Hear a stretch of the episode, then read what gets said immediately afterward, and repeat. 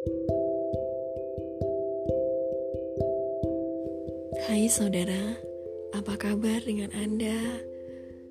Mudah-mudahan Anda tetap ada dalam keadaan sehat dan kalaupun Anda saat ini sedang sakit, saya berdoa semoga Anda tetap semangat untuk menjalani hari-hari Anda.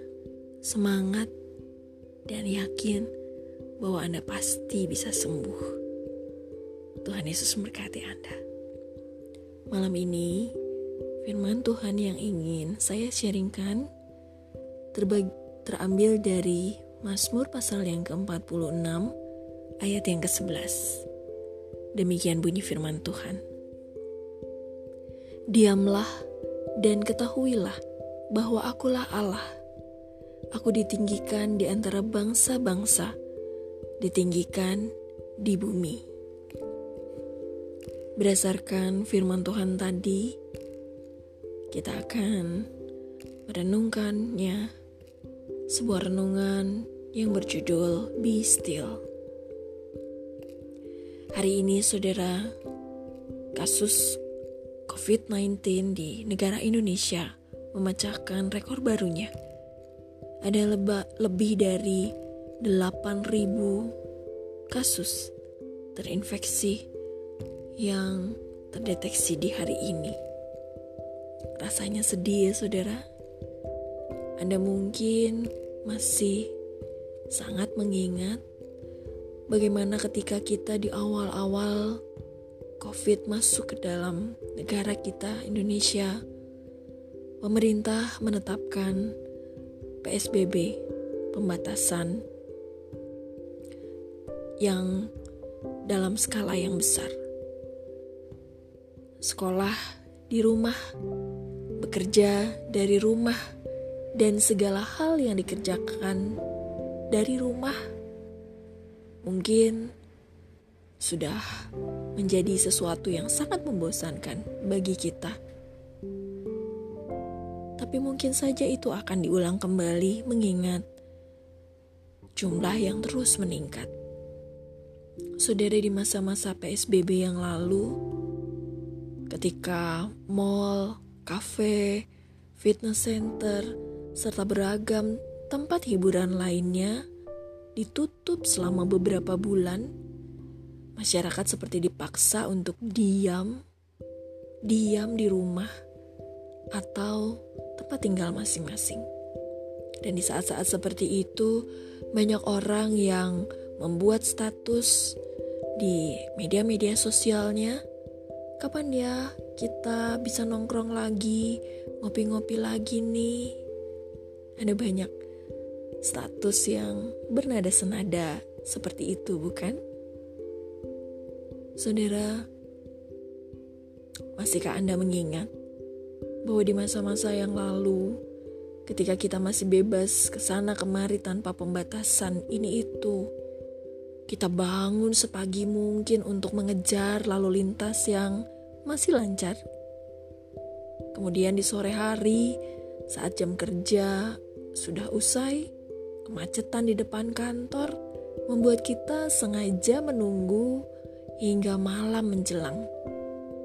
Dan akhirnya sesampainya di rumah, mungkin keletihan membuat kita jadi tidak selera lagi untuk duduk-duduk menemani orang-orang di rumah. Kita segera pergi tidur, dan esok paginya rutinitas yang sama berulang kembali. Terkadang, bahkan hari libur atau weekend terpaksa kita isi dengan kesibukan di luar kantor, atau ya, semacam mengikuti seminar bisnis untuk menambah pundi-pundi kita, dan akhirnya kita lupa untuk memberi waktu buat duduk diam di bawah kaki Tuhan. Doa-doa kita juga setiap harinya mungkin tidak lebih dari lima menit dan isinya terdengar tidak jauh berbeda dengan laporan atau ya semacam proposal. Malam ini saudara,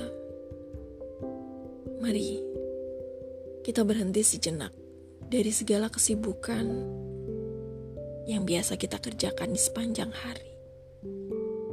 Cobalah untuk mengevaluasi diri kita masing-masing. Jangan-jangan kita sudah kehilangan tujuan hidup yang mulia. Bukankah kita semua, saudara, akan berhenti pada waktunya dan kembali kepada Sang Pencipta? Lalu, mengapa kita begitu sibuk hanya untuk mengejar hal-hal yang duniawi, mengejar bisnis, mengejar liburan, mengejar hal-hal yang sedang tren, mode terkini, atau apa pun itu.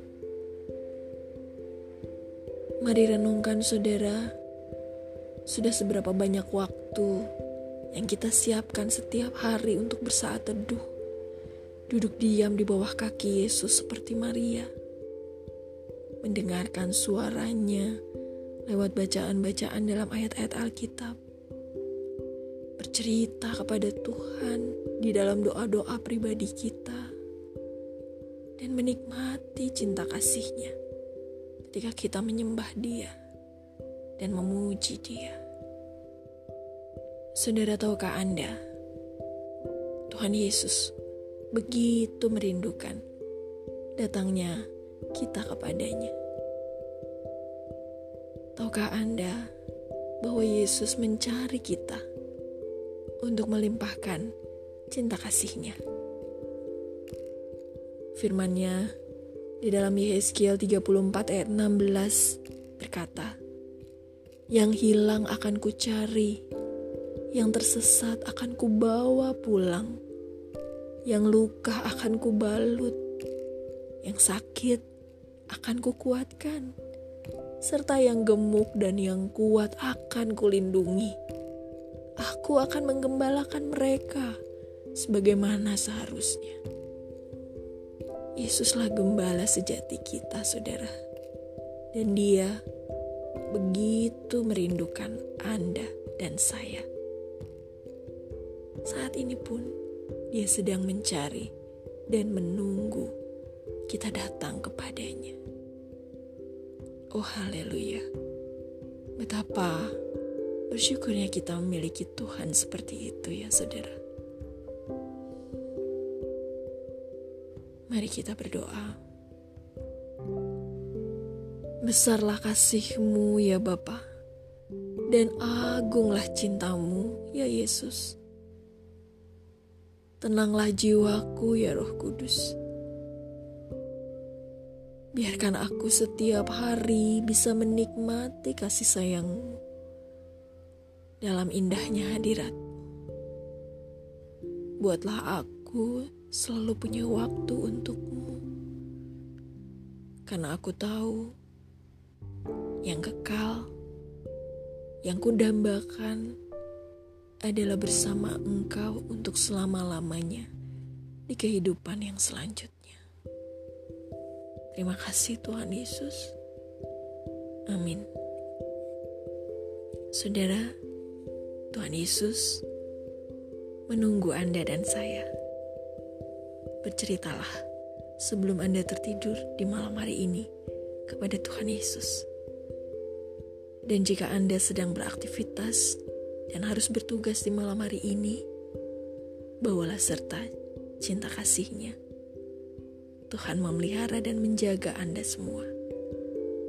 Terima kasih sudah mendengarkan sebentar malam. Tuhan Yesus memberkati.